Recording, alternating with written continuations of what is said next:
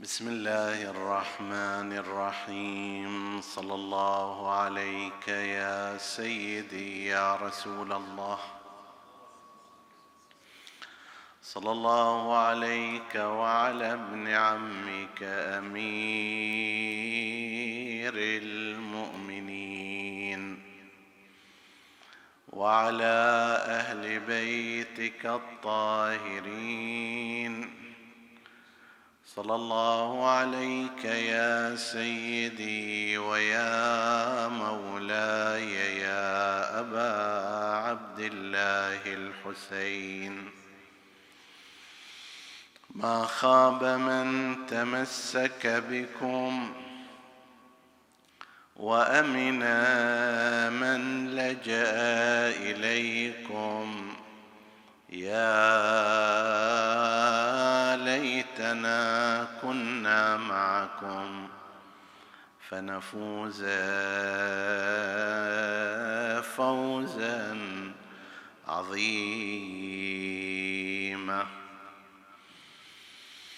يا وقعة الطف كم أوقدت في كبدي وطيس حزن ليوم الحشر مسجورا. كأن كل مكان كربلاء لدى عيني وكل زمان يوم عاشورا. يا ليت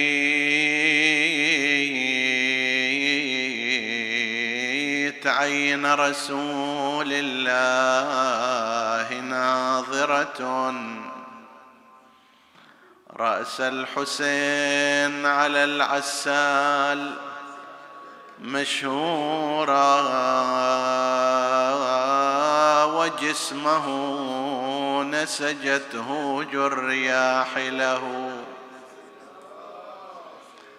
ثوبايا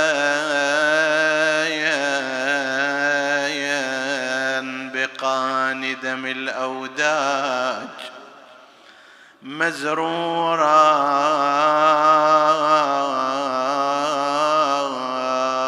يا عقر الله تلك الخيل إذ جعلت يات أعداءه لعواديها مضايا.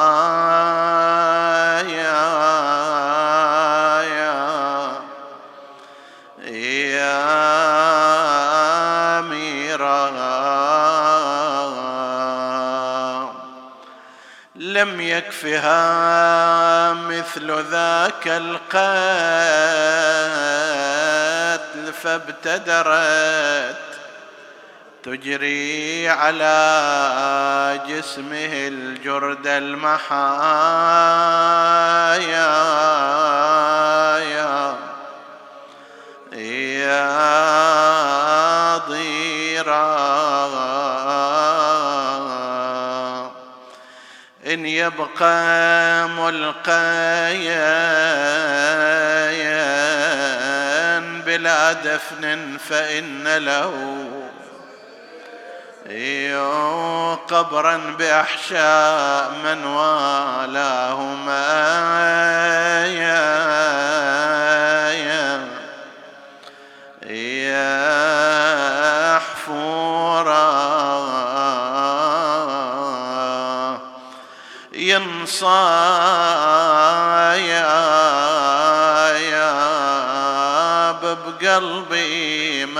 تمك يا حسين ينصاب ذكرك من يمر الدمع ينصاب عسى قلبي دون قلبك شان ينصاب خدي دون خدايا يا يا ياك عالوطي لكنما الأمر لله لا حول ولا قوة إلا بالله العلي العظيم. إنا لله وإنا إليه راجعون وسيعلم الذين ظلموا اي منقلب ينقلبون والعاقبه للمتقين عطروا مجالسكم بذكر محمد وال محمد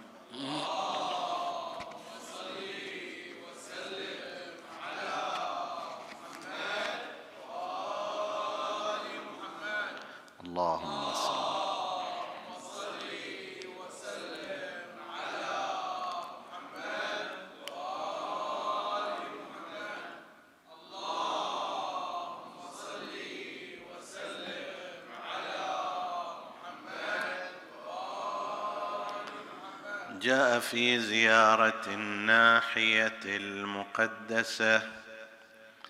فلئن أخرتني عنك الدهور وعاقني عن نصرك المقدور. ولم أكن لمن حاربك محاربا. ولمن نصب لك العداوة مناصبا فلأندبنك صباحا ومساء ولأبكين عليك بدل الدموع دما حزنا عليك وتأسفا على ما أصابك حديثنا هذه الليلة يتناول زيارة الناحية المقدسة زيارة الإمام الحسين عليه السلام المعروفة بزيارة الناحية المقدسة. ونتحدث هذه الليلة عن بعض المقدمات والمدخل إلى هذه الزيارة المباركة. أول ما يلفت النظر فيها الاسم زيارة الناحية المقدسة. الناحية هنا في هذه في هذا العنوان المفروض أنه هو الإمام الحجة المهدي عجل الله تعالى فرجه الشريف. لفظ الناحية جاء بديلا عن الاسم الخاص للإمام عليه السلام باعتبار أنه كان هناك نهي عن ذكر اسم الإمام في زمان ما بعد الإمام العسكري عليه السلام بل في حياة الإمام العسكري. كان الشيعة منهيين عن أن يذكروا الاسم المقدس محمد ابن الحسن. وهذا النهي إحنا نشوف روايات من زمان الإمام الصادق عليه السلام موجودة. إنه لا يحل لكم ذكر اسمه. روايات عن الإمام الصادق عليه السلام واردة. روايات عن الإمام الرضا عليه السلام. روايات عن الإمام الهادي. قبل ولادة الإمام المهدي بعقود من الزمان كان هناك نهي عن ذكر الاسم وذلك مبالغة في الإخفاء. مولانا الإمام المهدي عجل الله تعالى فرجه الشريف أحيط بمجموعة أمور من شأن هذه الأمور أن تخفي على الأعداء. شخصه وقته زمانه صفاته. من البداية لم يبن على أمه الحمل أصلا. اعتبار كان البيت مراقب فما كان يتبين عليها حمل أصلا. لعلك تقول هذا غريب. لا ليس غريبا. سبحان الله أنا كنت في لندن مع أحد المشايخ وهو على قيد الحياة موجود الآن فقال لي أنه أنا زوجتي كانت يعني في طرف سن اليأس وتعرضت أيضا إلى بعض المصاعب فكنا نراجع طبيبات النسائية فكان أمر الحمل شبه مستحيل. من جهة لأنها على أبواب اليأس ومن جهة لبعض هذه المشاكل تكيس المبايض وما شابه ذلك وإلى غير ذلك. فيقول بالفعل إحنا بعد خلاص اعتقدنا لأنه هو أيضا عنده أبناء وبنات ومتزوجات والمرأة يعني هو جد وهي جدة. فيقول أن أنا رحت إلى كربلاء وهو من أهالي العراق وكان عندي برنامج قراءة فرحت إلى العراق. اتصلت بي الزوجة فقالت لي هذا هذه الطبيبة تقول فد شيء غريب. شنو تقول؟ قال تقول لي أنه أنت حامل وعمر الحمل سبعة أشهر. شنو هذا؟ حملة سبعة أشهر؟ لا صوت ولا طعم ولا رائحة ولا ألم ولا أي أعراض. وهي امرأة أنجبت قبل هذا متعددين من دون أن تلاحظ أي علامة من العلامات. لا هي ولا أنا ولا ابنائها ولا بناتها لا تغير المعهود عند الحوامل. يعلن الجنين عندما يتكون يعلن عن نفسه. الوحام وما أدري تغير بدن المرأة وما شابه ذلك. وفحص فوق هذا يقول إحنا عندنا مراجعات يعني كل شهرين نروح إلى نفس هذه الطبيبة والطب هناك متقدم. وإذا بها في تتصل بي تقول الشهر السابع. قلت لها هذا شيء عجيب أصلا يعني آه، غير طبيعي.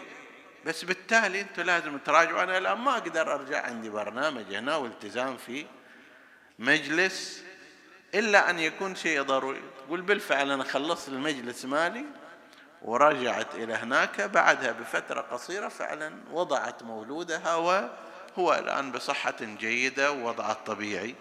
يقول هذا إحنا كنا نسمع هو يعقب يقول إحنا كنا نسمع أنه مثلا حمل أم موسى بموسى ما بين عليها.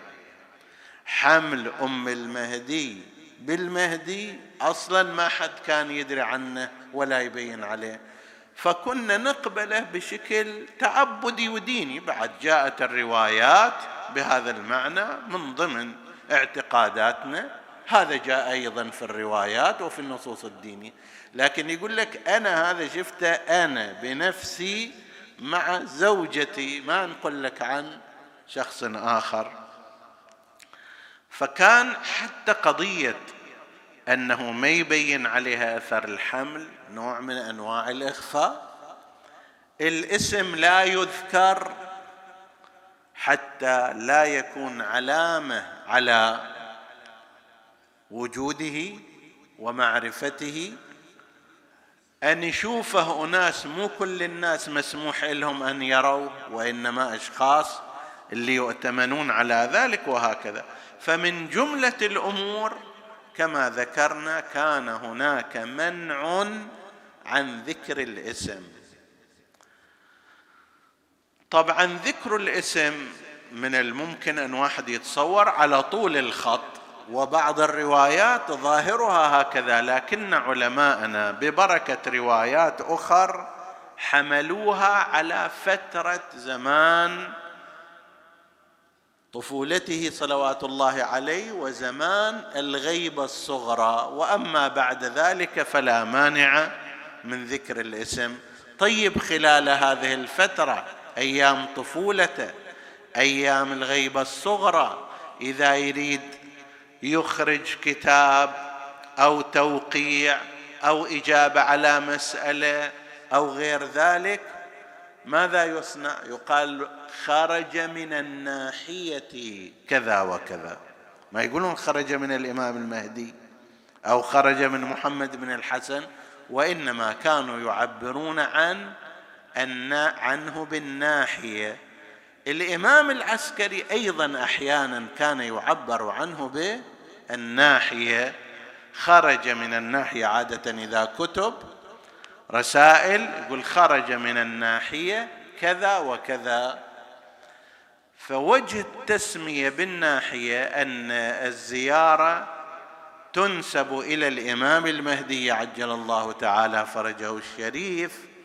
وحيث أنه في ذلك الوقت كما فهم علماؤنا في وقت زمان الغيبة الصغرى وزمان وجود أبيه أثناء طفولة الإمام عليه السلام وحداثة سنه كان هناك منع من ذكر الاسم.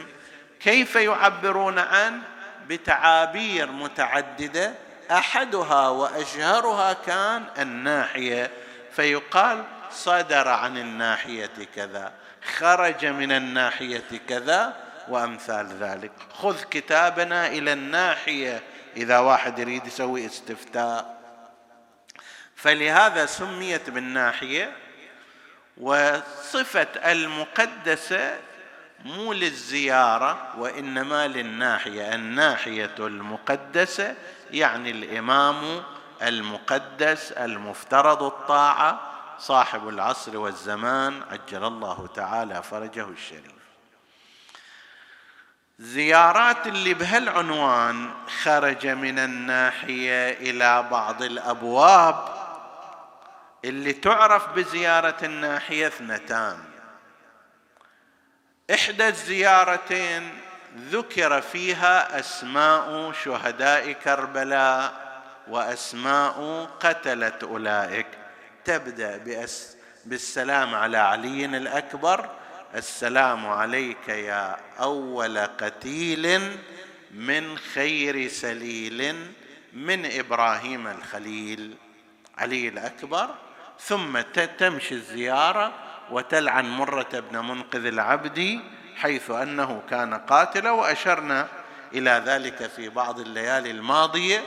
من أن هذه الزيارة وهي زيارة الشهداء خلينا نسميها زيارة الناحية الخاصة بالشهداء. شهداء كربلاء معتبرة من حيث السند ومعتمد عليها في ذكر أصحاب أصحاب الحسين وأنصاره والشهداء بالإضافة إلى قتلتهم. من قتل علي الأكبر؟ من قتل القاسم؟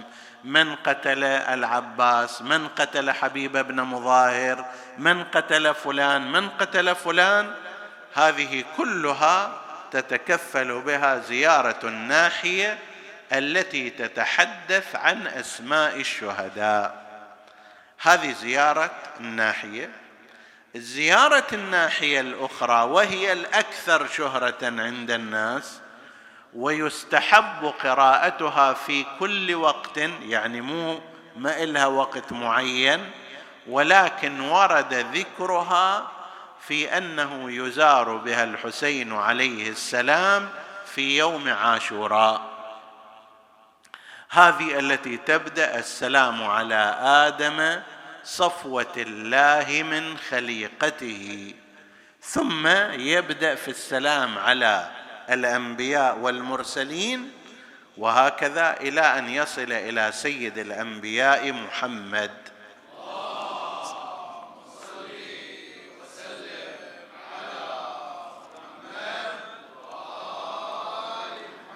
هذه الزيارة هي التي سيكون حديثنا عنها في هذه الليلة كمقدمات ومدخل والليالي القادمة كشرح لما جاء فيها.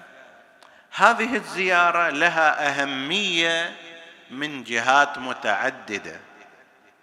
إحدى هذه الجهات هي أنها إذا كانت صادرة عن المعصوم كما سيأتي تحقيق ذلك فيما بعد فإنها تعتبر مقتلا للحسين مفصلا لا نجده في أي زيارة أخرى.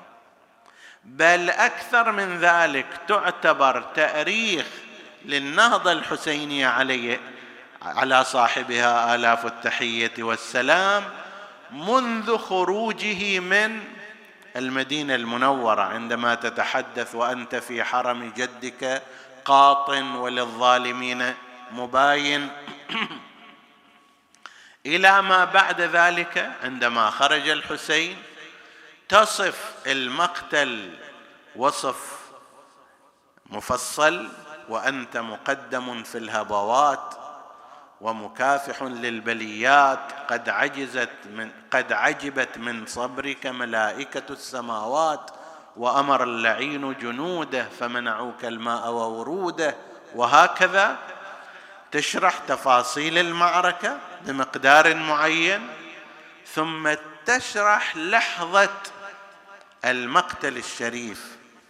حتى نكسوك عن جوادك فهويت إلى الأرض صريعا تطأك الخيول بحوافرها وتعلوك الطغاة ببواترها وتركز على قضايا جدا مهمة وتفصيلية. مثلا بالنسبة إلى من قتل الحسين عليه السلام أخيرا يعني من احتز رأسه. هناك من يذهب إلى أنه سنان ابن أنس. هناك من يذهب إلى أنه خولة ابن يزيد الأصبحي. هناك من يذهب إلى أنه الشمر ابن ذي الجوشن الضبابي. هذه الزيارة تصرح بأنه وإذا بالشمر جالس على صدرك قابض على شيبتك بيده ذابح لك بمهنده إلى آخر هذه فهنا اذا هذه الزيارة إذا تمت نسبتها إلى الإمام المهدي عجل الله تعالى فرجه كما هو المختار. عند الكثير من العلماء راح تكون الحد الفاصل إذا اختلف المؤرخون وأصحاب المقاتل في أمر من الأمور ارجع إلى الزياره زيارة الناحية المعروفة فهي فيها القول الفاصل. زين؟ هل خرجت النساء بعد مصرع الحسين عليه السلام وبعد مجيء جواد الحسين أو لا؟ هذه الزيارة تقول نعم. فلما رأينا النساء جوادك مخزية ونظرنا السرج عليه ملويه خرجنا من الخدور على الخدود لاطمات إلى آخر هذه المقطع. من أهميتها أنها لا ينتهي أمرها في حدود مقتل الحسين بل ما بعده. قضية السبي. غالبا المقاتل تكتفي بنقل مقتل الأصحاب ثم مقتل الهاشميين ثم مقتل الحسين عليه السلام وينتهي الأمر وصف معركة. لكن هذه الزيارة تصف ما جرى بعد ذلك حيث أنهم أخذوا صفدوا في الحديد يساقون سوق العبيد قد صفدوا في الحديد إلى غير ذلك من العبارات. فإذا الزيارة من جهة أنها مفصلة تمتلك أهمية خاصة وبالإمكان الرجوع إليها في حل التعارض الذي ينقله أصحاب المقاتل. لأن المقاتل قسم منها مثلا افترض معتمد على بعض من كان في جيش الأمويين مثل حميد بن مسلم الأزدي. هذا كان في جيش الأمويين. بعضها معتمد على كما ذكرنا قبل ليال على بعض الموالي والغلمان في جهة معسكر الحسين عليه السلام وبعضها معتمد على غيرهم وبعضها نقل عن الأئمة عليهم السلام. هذه الزيارة فيها تفصيل للقضايا وشرح مبين لمختلف المسائل فيمكن الرجوع إليها والنظر فيها ومقايسة سائر ومقايسة سائر النصوص بنصها هذا. هذا واحد من الأمور المهمة. كذلك أيضا اللحظات التفصيلية وهذا مهم. يعني هناك سؤال يطرحه البعض يقول لك إذا مثلا شمر بن ذي الجوشن لعنة الله عليه كان يذبح الحسين والحسين يقول كذا وكذا من اللي نقل إلينا هذا الكلام؟ شمر؟ خب ما ينقل ولو نقل هو إنسان كاذب ليس ثق الحسين خب ذهب إلى رحمة الله قتل فكيف انتقلت هذه؟ أو الحسين لما جلس مع أبي الفضل العباس عليه السلام وأبو الفضل العباس يلفظ أنفاسه الأخيرة تبادل وياه كلمات. من اللي نقل لنا هالكلمات؟ العباس استشهد الحسين بعده بقليل أيضا استشهد فمن الذي نقل؟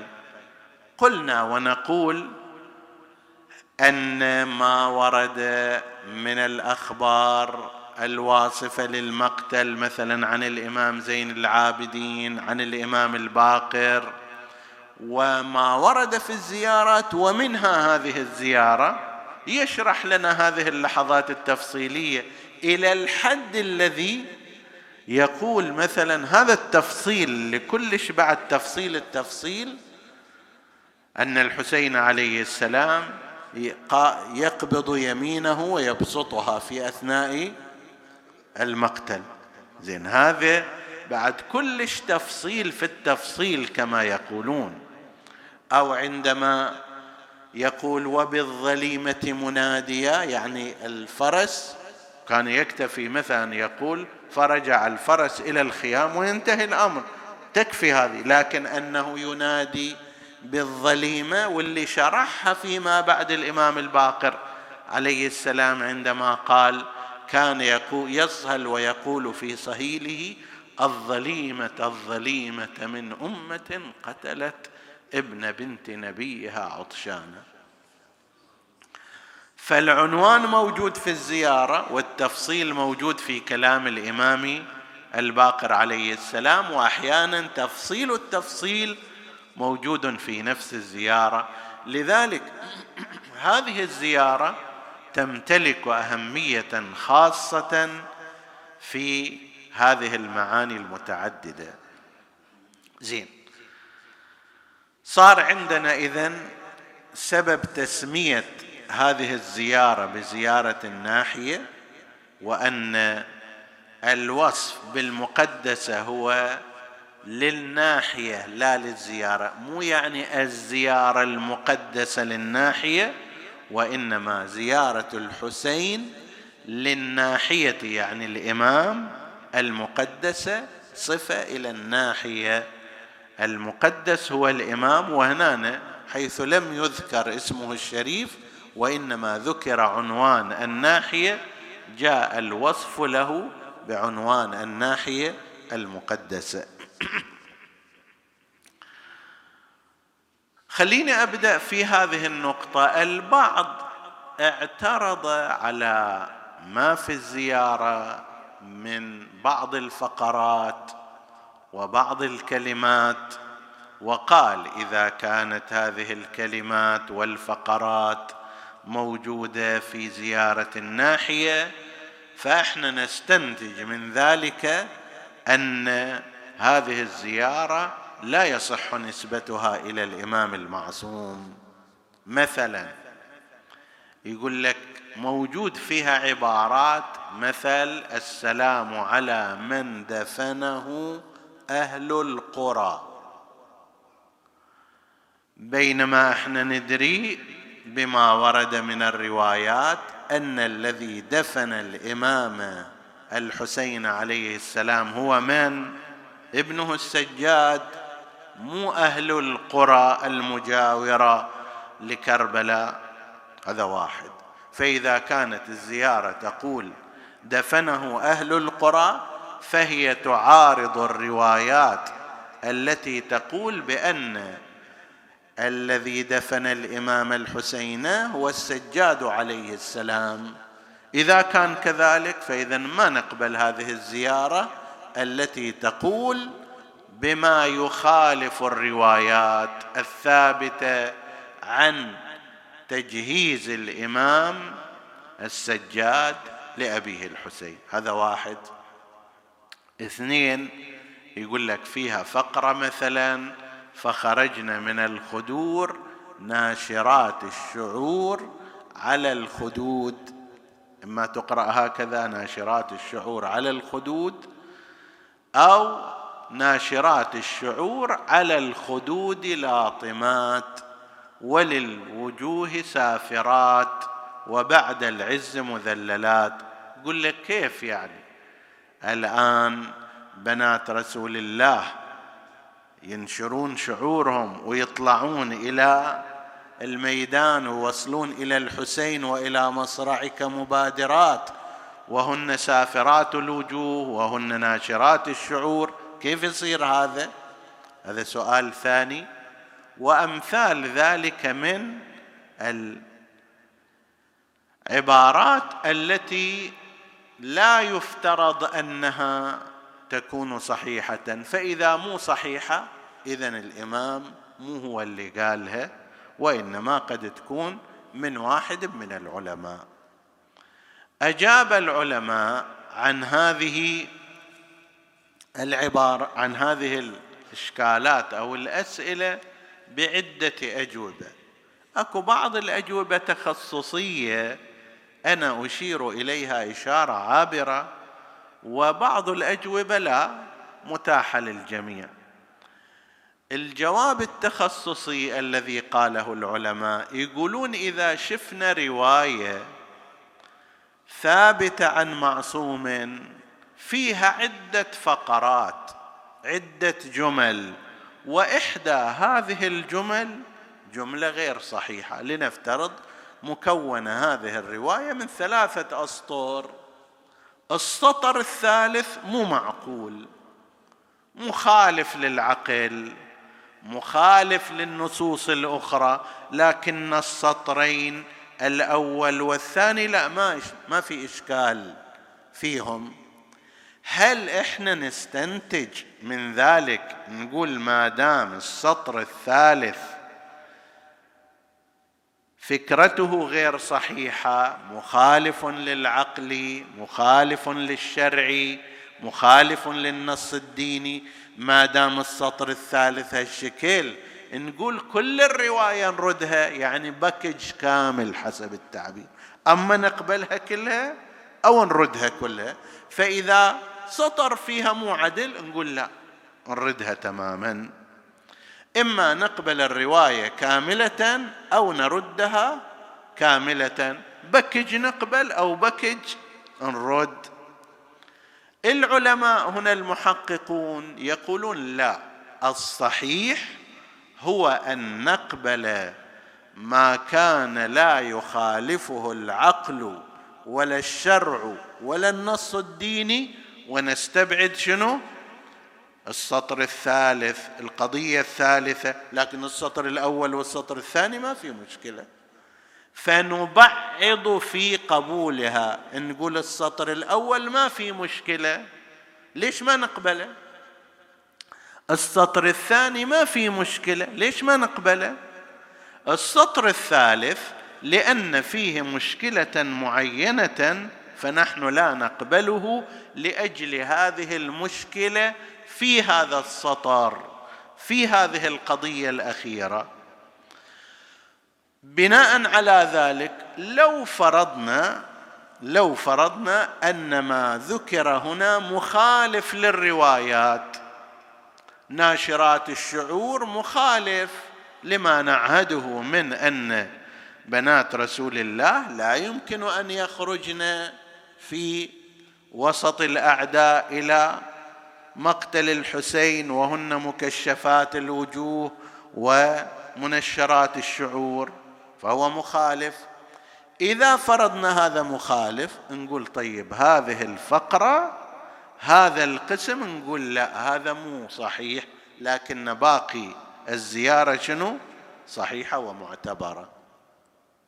مثل ما سوينا هناك في الرواية أم الثلاثة أسطر قلنا السطر الأول والثاني ما فيهم مشكلة ناخذهم.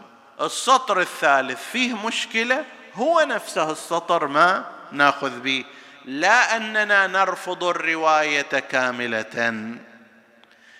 كذلك هنا لو فرضنا أقول لو فرضنا لأن عندي رقم اثنين أيضا.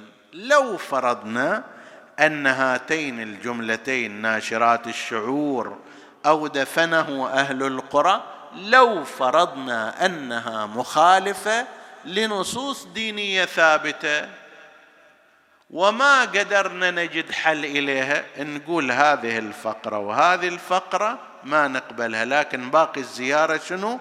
مقبولة ما فيها مشكلة. هذا اولا. ثانيا هذه الكلمات لها توجيهات ولها تفسيرات فما دام يمكن أن تفسر يمكن أن توجه فما يصير عندها مشكلة. مثلا لما يقول السلام على من دفنه أهل القرى لا يقول ولم يدفنه الإمام السجاد. ما قايل هالشكل؟ وإنما قال السلام على من دفنه أهل القرى. وبالفعل أهل القرى المحيطة لا سيما بنو أسد كانوا قد اشتركوا في دفن تلك الأجساد وأعانوا الإمام السجاد عليه السلام في ذلك وجاءوا له بالبارية فيما يرتبط بالإمام الحسين عليه السلام. فلو قال النص دفنه أهل القرى هذا ليس شيئا كاذبا. هم دفنوا والإمام السجاد هو الذي باشر الدفن لخصوص الإمام الحسين عليه السلام لكن بمعونة أولئك أهل القرى كان من عندهم المساعدة بنو أسد كما سمعتم وتسمعون عادة يذكر ذلك في ليلة الثالث عشر. فدفنه أهل القرى مو قضية كاذبة. نعم أهل القرى المحيطه بكربلاء ولا سيما بنو اسد شاركوا في دفن أبي عبد الله الحسين عليه السلام وأما بالنسبة إلى الأنصار فقد دفنوا أكثرهم. هم هذول أهل القرى بنو اسد بالنسبة إلى أصحاب الحسين وأنصار الحسين هم اللي دفنوهم. لكن بالنسبة إلى الحسين مباشرة الدفن كانت كما هو المعروف من الإمام السجاد عليه السلام نعم أولئك كانوا يأتون بالمقدمات يساعدونه في الأمور المقدماتية. سالفه ناشرات الشعور إلها أكثر من توجيه. اولا من يقول أنه بهالحالة أن شعورهم منشورة وأن وجوههم مكشوفة؟ راحوا إلى المعركة. ماكو دليل على ذلك أصلا. ولا الرواية تقول ولا الزيارة تقول ذلك. تقول صارت هناك أعمال متعددة. هذول كنا ناشرات الشعور هذا عمل. سافرات الوجوه هذا عمل. لاطمات هذا عمل. أيضا من أعمالهن أنهن ذهبن إلى الجسد. لكن هل ذهبن بتلك الصورة التي تقدمت لا؟ ماكو دليل على ذلك. عده أعمال الإنسان يسويها عدة أعمال الإنسان يسويها ولكن مو بالضرورة تكون في نفس هذه الحالة ذهبوا إلى موضع مصرع الحسين عليه السلام. لا سيما مع النظر إلى ما كان عليه مخيم الحسين عليه السلام. مخيم الحسين عليه السلام كان بشكل خيم النساء وما يرتبط بهن في الوسط وحوله دائرة أو نصف دائرة من الخيام للأنصار والرجال. يعني تصور نصف دائرة هكذا أمام العدو وهذه في الوسط كانت طيب ومن الخلف جعل الحسين عليه السلام يقرأ هذا عادة في المقتل جعل من الخلف خندقا وضع فيه الحطب وأشعل فيه النار حتى لا تقتحم خيول الأعداء الخيم من الخلف.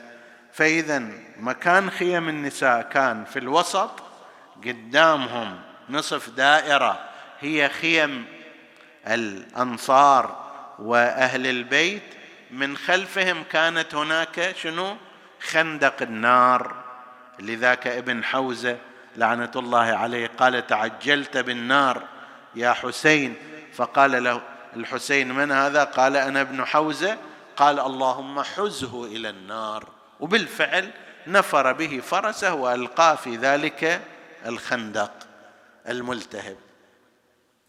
إذا هالشكل تخرج النساء بتلك الحالة من اللطم بتلك الحالة من حل الشعر نشر الشعر المرأة تارة تكون مرتبة شعرها ومربوط وغير ذلك وتارة تحل شعرها من دون ربط وهذا إلى الآن موجود في النساء العربيات. علامة على المصيبة وعلامة على الألم. بعد ما تربط شعرها وكذا كأنما تفل هذا الشعر وترخيه على كتفها فاللي يشوفها يعرف أنه هذه صاحبة مصيبة.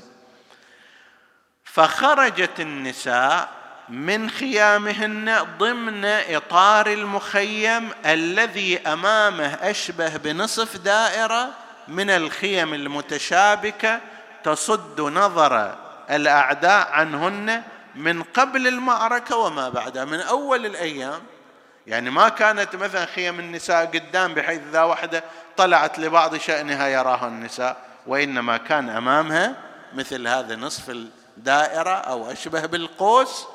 بحيث لو خرجت فهي في داخل المخيم لا ترى ولا ينظر إليها.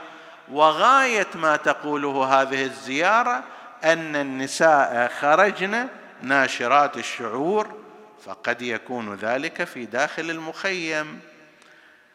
سافرات الوجوه في داخل المخيم من دون أن يراهن الأعداء. ما في تصريح بأنه فخرجن على تلك الحالة وهن ناشرات الشعور وسافرات الوجوه وذهبن إلى المعركة أو ذهبن إلى مقتل الحسين. لا يوجد هناك أي دليل على هذا وإنما مجموعة أعمال.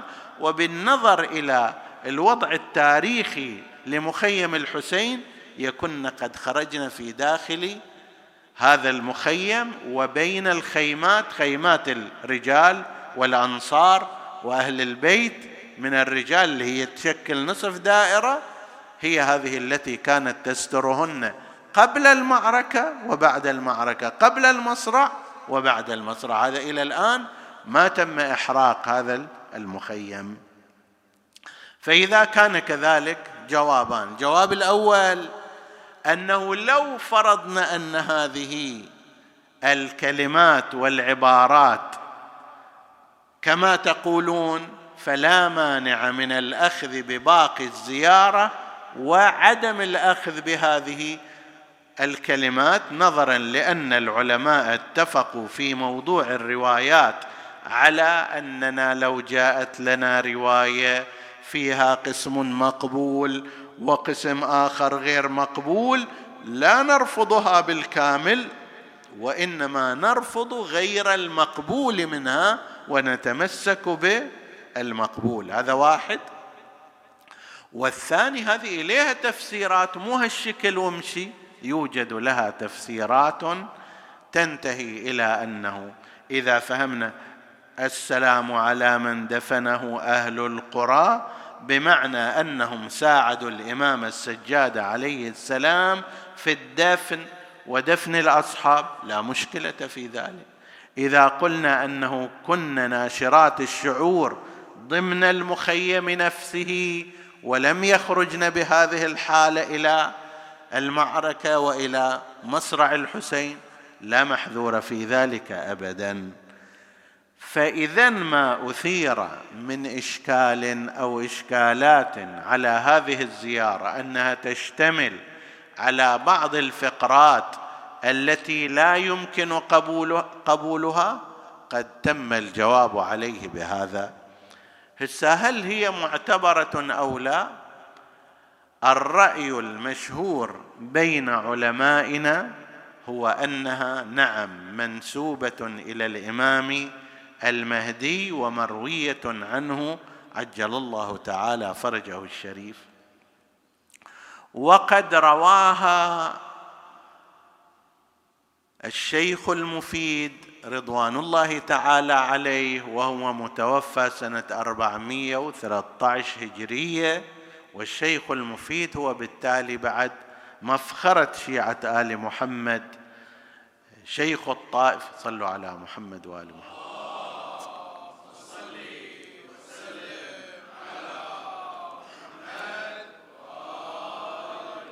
أستاذ شيخ الطائف الطوسي وأستاذ الشريفين المرتضى والرضي وهو المؤسس لكثير من العلوم الدينية. كان أمره عجيبا في الجلالة والعظمة.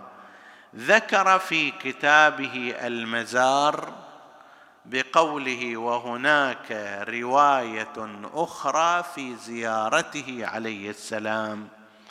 المتعارف في كلمات الشيخ المفيد إذا قال وهناك رواية أخرى يعني أن هذا وصل إليه بطريق مروي. مو أنه تأليف واحد لأنه بعض الذين بعض الذين لم يقبلوا أنها من كلام الإمام المهدي قالوا هذه من تأليف شريف المرتضى. زين الشريف المرتضى هو تلميذ الشيخ المفيد. وتوفي بعده والشيخ المفيد قال في كتبه هناك رواية أخرى في زيارته يعني زيارة الإمام الحسين واوردها كيف يدعى أنه المرتضى اللي هو اجى بعده. بين بين وفاتيهما مدة هذا 413 ذاك 436 وقد ذكرها الشيخ المفيد في كتابه مبكرا كتاب المزار. هذا واحد. الثاني ابن المشهدي. ابن المشهدي أيضا واحد من علمائنا الكبار توفي قبل سنة 600 هجرية. عنده كتاب اسمه المزار. عادة الزيارات يفرد لها كتاب يسمى بالمزار. تقول مثلا مزار البحار للعلامة المجلسي مزار ابن المشهدي فقط حول الزيارة الزيارات وأحاديثها وثوابها ونصوصها مزار الشيخ المفيد وهكذا. ابن المشهد قبل سنة 600 هجرية ذكر بشكل أوضح وأصرح ومما خرج من الناحية إلى أحد الأبواب. أحد السفراء يعني خرج من الناحية المقدسة يعني الإمام المهدي وهو في بداية كتابه قايل أنه أنا أورد من الزيارات الكاملات ما وصلنا عن الثقات إلى الأئمة السادات. يعني أنا اللي أذكر لك هنا ابن المشهد يقول ما أذكر لك هكذا وإنما زيارات متقنة نقلها لي الثقات فأنا عندي إليها أسانيد موثوقة إلى الأئمة السادات عليهم السلام. يعني أنا عندي سند متصل برجال ثقات بهذه الزيارات إلى الأئمة عليهم السلام. ولذلك نسبها كثير من العلماء الفقهاء والمحققين مباشرة إليه. يقول لك كما قال الإمام الحجة في الزيارة المعروفة بالناحية كذا وكذا ويوردها. وذول بعضهم أعاظم مثل الشيخ محمد حسين كاشف الغطاء رضوان الله تعالى عليه تلميذ صاحب العروة شيخ سيد اليزدي وأمثاله بعضهم مراجع مثل سيد محمد هادي الميلاني رحمة الله عليه كان من زملاء السيد الخوئي ومن تلامذة المحقق النائيني والإصفهاني كان مرجعيته في مشهد أيضا عندما يذكر وفي كتابه قادتنا كيف نعرفهم يذكر صراحة نسبة هذه الزيارة إلى الإمام الحجة عجل الله تعالى فرجه الشريف. وأما المحققون الذين كتبوا في قضية الحسين فكثير مثل السيد المقرم رحمة الله عليه ومثل الشيخ باقر الشريف القرشي رحمة الله عليه وأمثال هؤلاء وكلهم ذهبوا إلى رضوان الله وعفوه.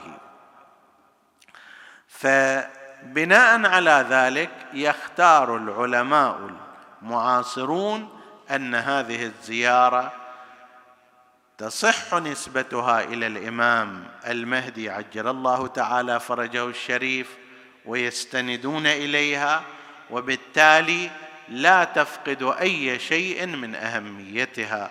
نسأل الله سبحانه وتعالى أن يوفقنا لزيارة الحسين بها وبغيرها من الزيارات وأن يرزقنا قراءتها عند قبر الحسين. سلام الله عليه.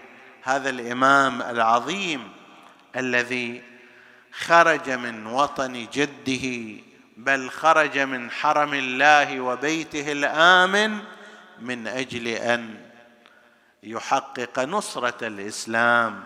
وبقاء الدين خرج الحسين من المدينة خائفا. كخروج موسى خائفا يتكتم. الإمام الحسين ما كان خايف على نفسه. هو يعرف أنه يفدي نفسه في طريق الله. ولكن كما أن موسى كان خائفا كما يقول أمير المؤمنين أوجس موسى في نفسه خيفة. مو على نفسه. أكو فرق بين أوجس في نفسه أو على نفسه. أوجس في نفسه يعني خاف في نفسه على شيء آخر. ما هو ذلك الشيء الآخر؟ يقول إمامنا خاف يعني موسى من غلبة الجهال ومن دول الضلال. يعني إذا انتصر أهل الجهل وأهل الضلال وضاعت الشريعة وضاعت الرسالة هذا يخوف النبي موسى. كذلك الحسين عليه السلام خرج خائفا بهذه الصورة على شريعة جده وعلى قرآن ربه وعلى أحكام دينه. فخرج من المدينة خائفا كخروج موسى خائفا يتكتم وقد انجلى عن مكة وهو ابنها. وبه تشرفت الحطيم وزمزم لم يدر أين يريح بدن ركابه فكأنما المأوى عليه محرم حتى بلد الله الآمن الذي يأمن فيه المجرمون فلا يزعجون ويأمن فيه الطير والوحش والسباع. لم يكن آمنا لابن بنت رسول الله. لا ولا الشهر الحرام شهر ذي الحجة. الذي تضع فيه الحرب أوزارها ولا يجوز لأحد أن ينتقم من عدوه لكن الحسين لم يأمن في هذا الشهر. كأني به وهو يقرأ مصيبة نفسه. ترى الحسين قرأ قراية على نفسه. قبل ما يقتل بأبي وأمي قرأ تلك القراءة. نعى نفسه. ماذا قال؟ قال وكأني بأوصالي تقطعها عسلان الفلوات. هذا موجود في زياره الجامعة تختلف إليها الوحوش الضاريات وتنهشها.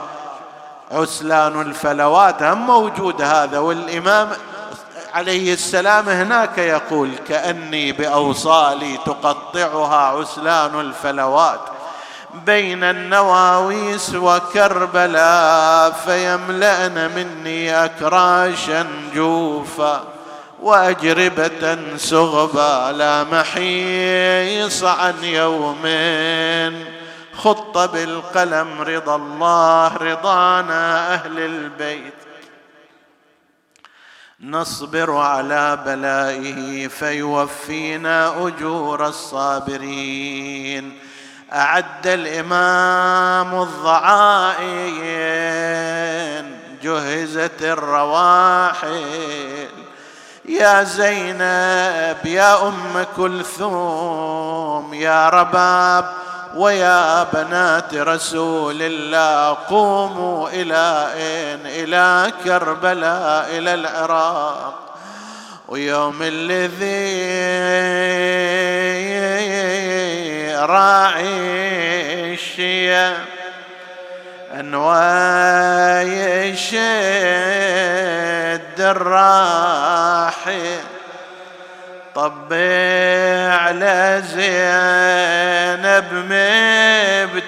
مبتسم عباس راعي الماء. قال لها يا ضنوة علي قومي نروح الكعب قالت لاخو يا محملي يا هو الذي يتكى قال لها عينك بشري كفو أبو طف أبو فاضل. ما حد وصل إلى هذا الرحل ما دام سيفه بيده لكن عندما قطعت يسراه ويمناه بعد تقوض هذا. وكل ساعة عباس ونزا محمل الحور يعاب صد له حسين وناشدة شني نزلتك به قال له يا خويا نزلتي تدري اخذنا من ما تعرف الذل والهضم. خل تبشر بعد كم من يوم. ما تعرف الذل والهضم. فطنت على العزوة. ريتك يا عباس تحضر يوم طلعت من كربلاء بأي حالة؟ سترت وجه جفوفها والدمع بالخد. سايلة ولو رادت النوقت عثار يضرب خوار. لو رادت النوقت عثار يضرب خواتك حار. كأني بها وهي تخرج من كربلاء تنظر إلى جهة الشريعة وتعاتب أخاها. يا أنل عندي مناشدة وياك واعتاب. المناشدة وياك واعتاب. آه. منوخ الهودج على الباياب وسبطعش يبرون الإحسان. آه. خويا أثار الرجا وذاك الأمل خاب يا أبو فاضل. يا ابو فاضل ويا الغرب لو رحت تنعم آه. عباس تسمع زينبا تدعوك من لي يا حماي. إذا العدا سلبوني نسألك اللهم وندعوك باسمك العظيم الأعظم الأعز الأجل الأكرم يا الله. اغفر لنا ذنوبنا كفر عنا سيئاتنا آمنا في أوطاننا. لا تسلط علينا من لا يخافك ولا يرحمنا ولا تفرق بيننا وبين محمد وآله طرفة عين. احفظ اللهم إخواني السامعين فردا فردا اقض اللهم حوائجهم واشف مرضاهم. المرضى المنظورين من أوصانا بالدعاء اللهم اشفهم بشفائك. وداوهم بدوائك وعافهم من بلائك. وتقبل اللهم عمل المؤسسين بأحسن القبول إلى أرواح موتاهم وموتى السامعين. نهدي للجميع ثواب الفاتحة تسبقها الصلوات.